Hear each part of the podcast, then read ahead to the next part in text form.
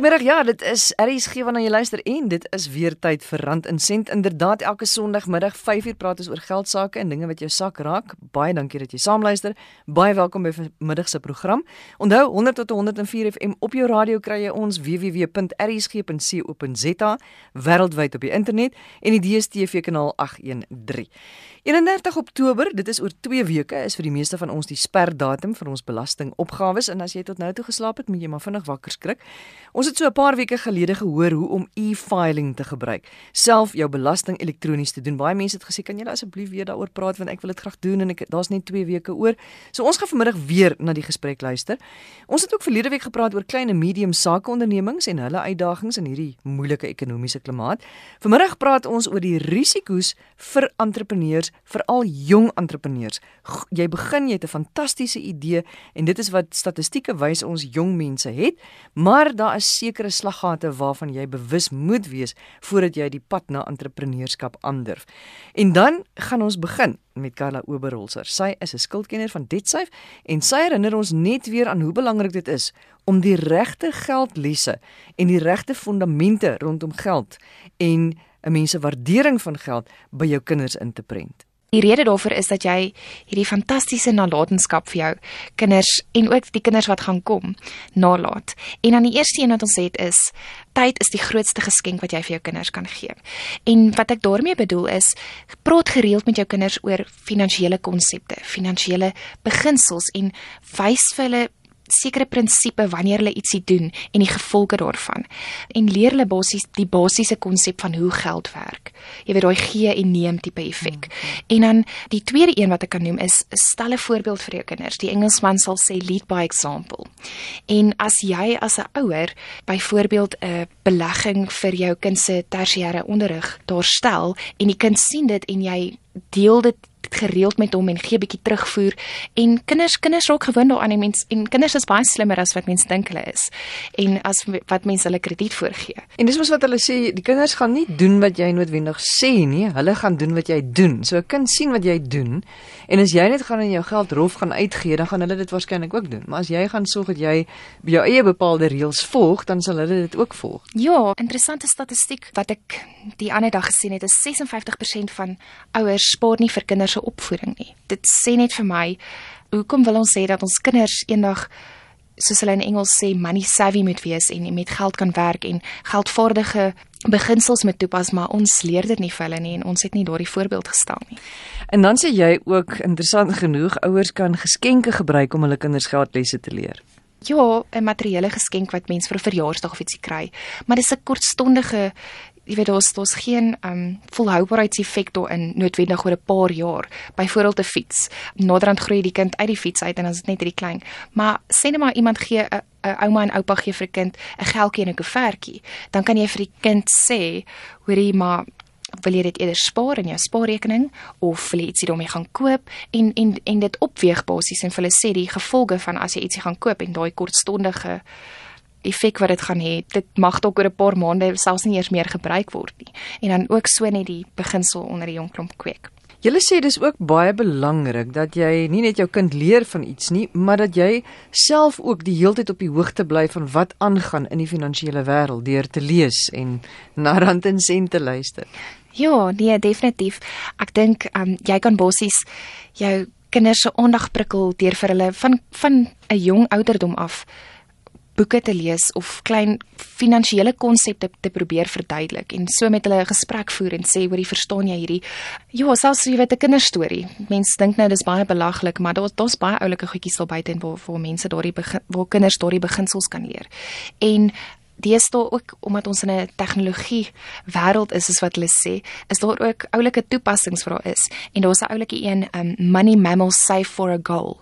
En dit is baie oulik vir kinders um, om dan gewoonte raak aan spaar doelwitte en dit van kleins af en dan eendag ook te implementeer as hulle ouer is. 'n Volgende punt wat ek kan noem is um, wat van finansiële werkswinkels vir op buite is. Baie keer by hoërskole het ek selfs gesien wat mense inkom en dan kom leer hulle vir kinders net die basiese wat 'n begroting is en hoe gaan jy eendag te werk met jou finansies en ons het 'n gesegde by die werk wat ons sê jy moet basiese begroting per kop uitwerk en jy kan dit in eenvoudige terme stel vir jou kind en net neerskryf okay jy kos my soveel 'n maand. Dit klink nou eintlik baie verskriklik, maar net dat die kind 'n bewustheid kweek van dit is wat ons kos vir die maand kos en dit is waarvoor ek vir toebroodjies gebruik en hierso is my rugby tokse wat ek gaan gebruik vir die rugby seisoen wat ek benodig en ek moet spaar daarvoor en dit is hoeveel ure my ma werk en sy moet soveel ure werk vir ons om soveel geldjies bymekaar te kan maak en dit is wat dit gaan kos. So net om net om daardie praktiese beginsels in hulle brein te kan begin kweek en dat hulle net kan weet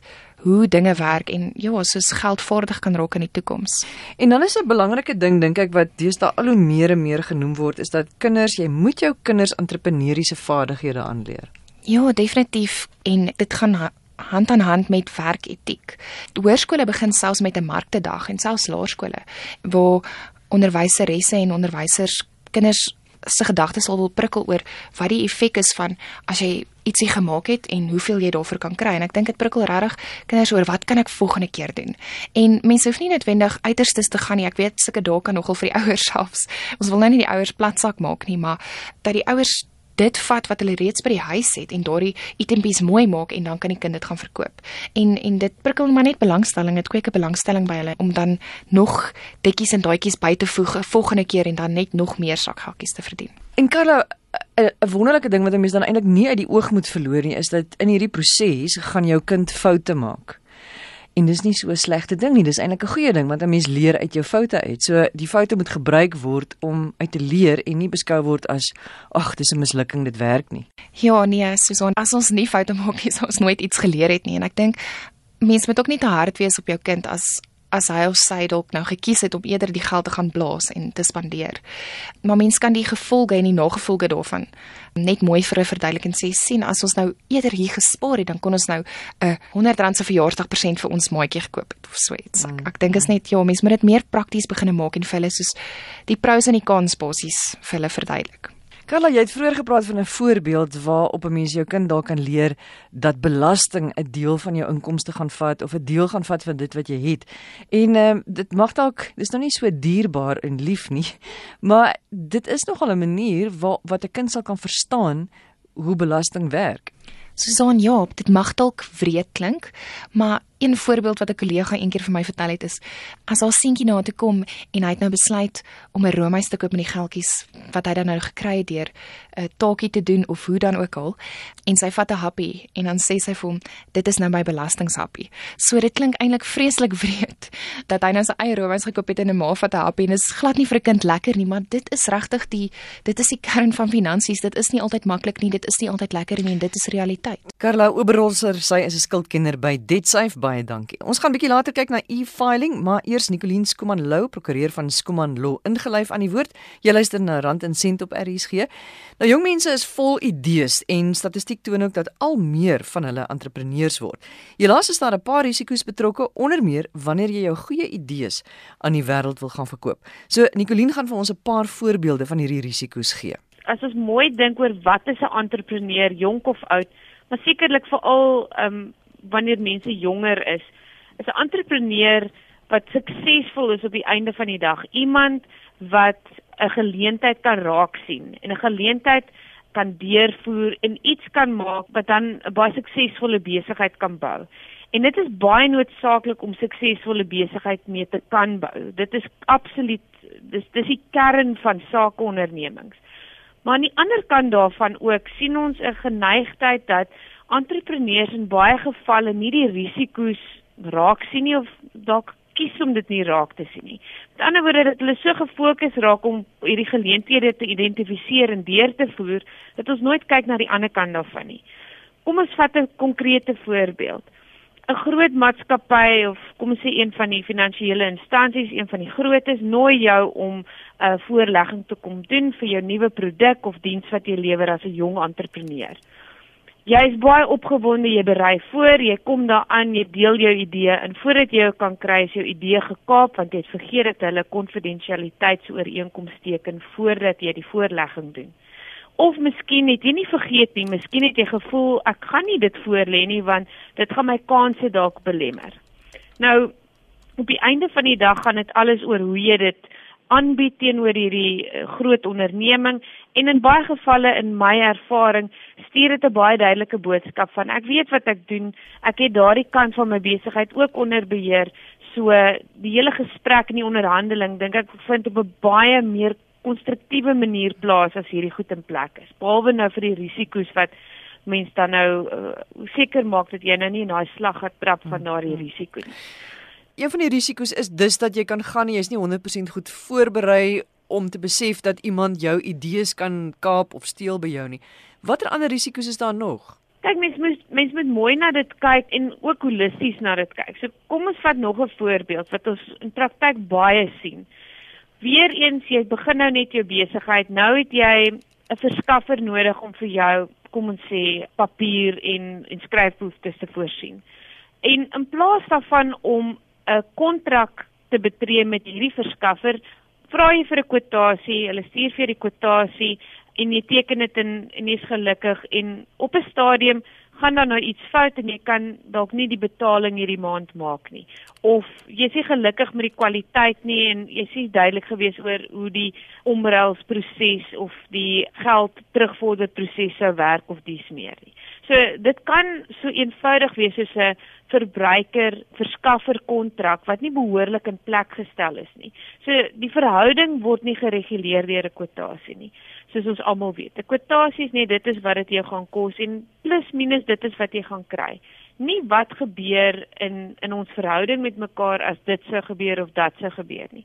Nou ek besef dit kan 'n kontant transaksie ook wees dat daar nie eintlik streng gesproke verhouding tot stand kom nie maar in baie gevalle wanneer mens gemakliker raak met mekaar as 'n verskaffer en verbruiker, begin dit meer as 'n kontanttransaksie word sonder al die nodige ooreenkomste soos kredietooreenkomste of ehm um, verbruikers ehm um, verskaffer ooreenkomste wat in plek moet wees. Die ander een wat dalk 'n beter voorbeeld kan wees is jou IT. Wanneer jou besigheid nog relatief klein is, het jy nie die nodigheid vir 'n voltydse werknemer wat na daardie kant van jou besigheid gaan kyk en al die rekenaars en die rekenaarprogramme en die tipe van goed nie. Dit is waarskynlik iets wat mense gaan uitkontrakteer buite jou besigheid. En in daardie geval sal daardie persoon 'n baie unieke toegang bekom tot jou besigheid, tot baie sensitiewe inligting. En dit is hoekom daardie ooreenkomste is verskriklik belangrik dat mens daardie regte ooreenkoms tussen mekaar opstel van die begin af om daardie verhouding te reguleer om die om wat die verwagtinge is te reguleer, wat gebeur as iets verkeerd gaan, wat gebeur as iets gebeur met die stelsel en ons data is nou daar buite soos wat ons onlangs in die nuus gesien het. Dis die tipe verhouding wat mense nie net op die kwotasie kan staatmaak nie. Dit moet 'n volledige kontrak hê. En dis een van die grootste risiko's in vandag se dae met tegnologie wat absoluut die kern van ons besighede geword het. Is daar nou nog goed wat jy op jou lysie het as 'n jong entrepreneur by jou sou kom en sê, "Oké, okay, wat moet ek doen om myself te beskerm?" Kyk, die laaste een en ek dink dit is dalk dit is dalk die beginpunt wat ons wat ons dalk heel eerste moes genoem het en dit gaan oor struktuur. Baie entrepreneurs raak so opgewonde oor die konsep of oor die produk wat hulle gaan skep of dit nou aanlyn of aflyn is hulle raak so opgewonde oor daai deel dat hulle vergeet maar hoe hoe gaan ek hierdie hele ding struktureer? Gaan ek 'n maatskappy registreer? Gaan ek alleen in die maatskappy wees? Gaan ek dalk uh nog 'n vernoot of 'n aandeelhouer inbring? Wat sou daai persoon se rol gaan? Daai persoon net 'n kapitale inleg gee en geen besluitneming en bestuurs um, deelneem deelname hê nie of hoe presies gaan dit werk? So in baie gevalle is daar niks geregistreer nie.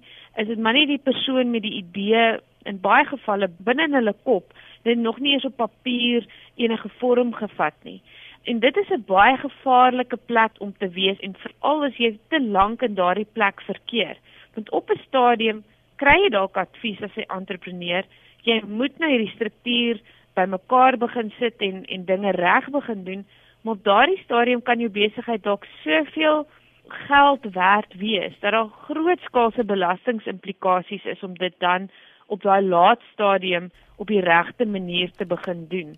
En dit kan definitief groot probleme teweegbring. So ek sou sê die top 3 is om seker te maak as jy daardie voorleggings te gaan doen, maak seker jy beskerm jouself met daardie konfidensialiteitsooreenkoms voordat jy selfs enige iets deel of dit nou 'n skriftelike voorlegging is of as jy dit gaan doen by hulle kantore uh, in persoon, maak nie saak in watter vorm dit gedoen word nie, maak seker voordat daar enige inligting gedeel word dat jy jou papiere in orde het.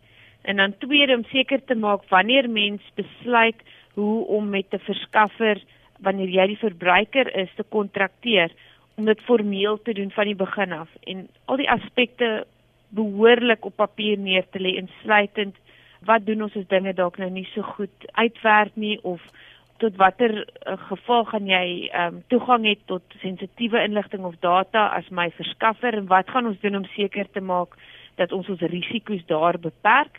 En dan laastens die die aspek van struktuur struktuur behoort van die begin af reg gedoen te word in plaas van om of in dit in te groei en op 'n latere stadium daarna toe te sien.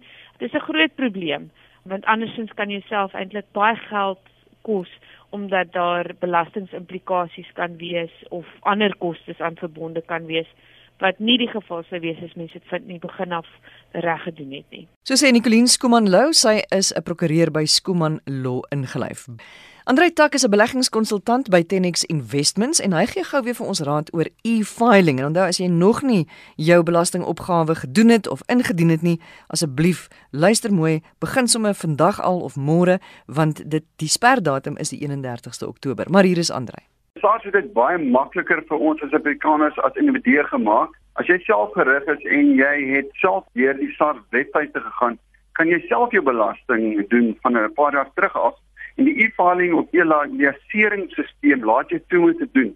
So jy kan self jou ERP5 van jou werkgewer bekom en dan jou uitrekenings aan die aan die tyd te belastingsertifikate bekom, jou logboek ensovoorts gebruik, jou mediese bydraes. Dis baie maklik. Ek het byvoorbeeld myne die dit het die 1 Julie oopgemaak en ek was binne 15 minute klaar met my eie. Dit stel jou net in staat om 'n beter beheer te hê oor jou eie finansiële aspekte. So jy kry onmiddellik binne 'n paar sekondes sit jy dit in die rekenaar in wat SARS jou beskikbaar stel en jy weet ook dan binne 'n paar sekondes of jy dan 'n belasting gaan terugkry of aan jy dan in SARS geld sal met skuld. Maar Andre, vir wie werk hierdie ding goed? Want Jy weet ek dink daar's mense wat wat miskien 'n komplekse belasting-situasie het, mense wat wat jy weet ek dink nou maar sommer aan myself wat nou nie baie lief is om hierdie soort van goed te doen nie en wat nou soort van 'n mens het nou verskillende inkomste van verskillende plekke want jy werk vryskut. Ek stem heeltemal mee saam. Ek dink baie komplekse aspekte waar daar neer is, uh, uh, jy weet die salarisinkomste is van 'n paar waar daar hier inkomste waar daar trust betrokke is, buitelandse inkomste, dan moet jy definitief spesialis belastingadvies inwin dit is baie belangrik om te doen.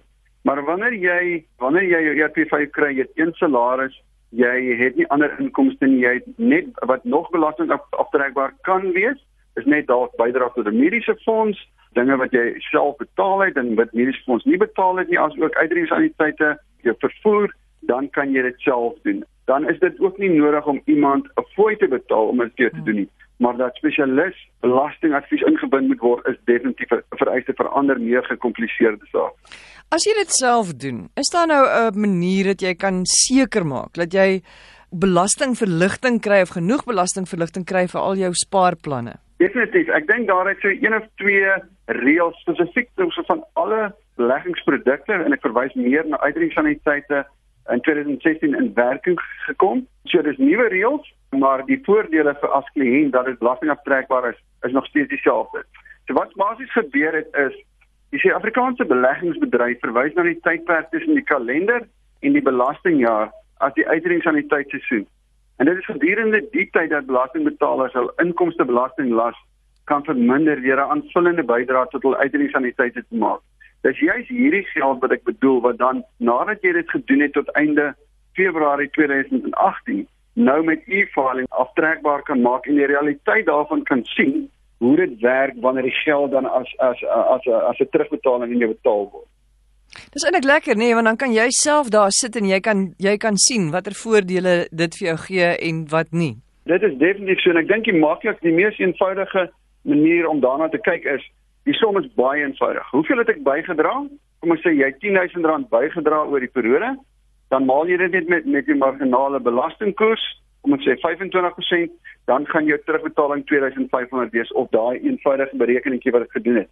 Ek dink wat baie belangrik is is die nuwe wet het in 2001 Maart 2016 het verander dat IA bydraes en alle aftreë bydraes, pensioenfonde, voorsorgfondse kan nou teen 'n baie hoër koers 27.5% afgetrek word met 'n jaarlikse beperking van 350 000. Dit is baie goeie nuus hierdie hervormings.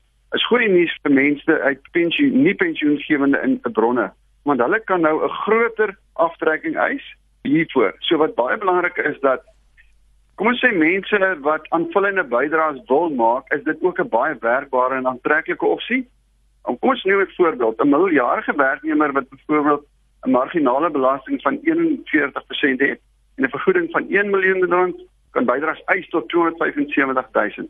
So al hierdie nuwe vooruitsigte maak dit baie meer maklik vir ons om te verstaan en dis hoekom ek sê daar's 'n spesifieke groep mense waarvoor die e-filing definitief sal werk. Die slaggate waarvoor 'n mens moet uitkyk as jy besluit jy gaan vir die e-filing opsie.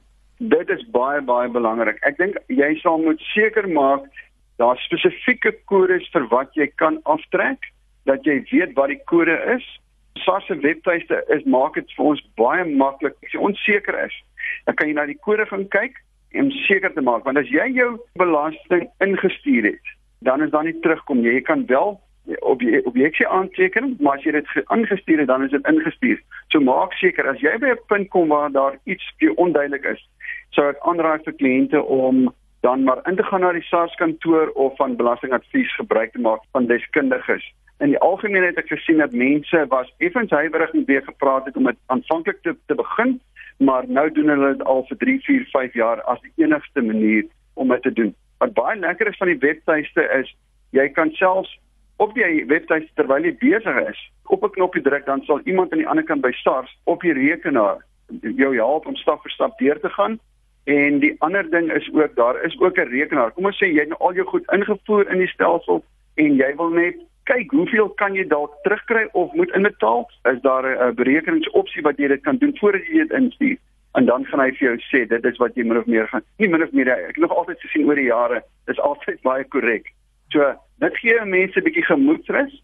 Um, ek dink die proses is baie maklik. 2, 3 la dae later word hierdie gelde dan aan jou terugbetaal. Hoe begin ek nou? As ek nou besluit goed, ek wil hierdie e-filing gebruik, hoe begin ek? Jy tik eenvoudig net die woord e-filing in klein letters op Google. Dan maak jy vir jou bladsy oop, dan registreer jy. Jy registreer, jy kry jou eie paswoord, jou e-, eie woord wat jy dan in die toekoms gaan gebruik met jou eie aantekennommer. Dit moet jy asseblief onmiddellik neerskryf want jy gaan dit altyd gebruik. Jy moet sorg dat jy weet wat is jou inkomstebelastingnommer en dan gaan SARS jou in kennis stel. Jy kan voortgaan. So die oomblik as 1 Julie aanbreek elke jaar, is jou ERP 5 vanaf jou werknemer reeds op die SARS stelsel. Dis nie iets wat jy nog hoef in te voer nie, dis reeds beskikbaar. Jy maak die bladsy oop, jy gaan deur die paar stappe en so ek sê dit gaan vir tussen 5 en 10 minute vat as dit 'n eenvoudige belastingberekening is. Dit was Andrei Tak, hy is 'n beleggingskonsultant by Tenex Investments. Dit is dan ook ons program vir vandag. Onthou as jy vir my e-pos wil stuur, Susan by rsg.co.za. Susan by rsg.co.za. Onthou ons rand en sent boek wat beskikbaar is by boekwinkels na aan jou. En volgende Sondagmiddag is ons terug met nog gesprekke. Baie dankie dat jy saamgeluister het en ek hoop is 'n baie voorspoedige week vir jou. Totsiens.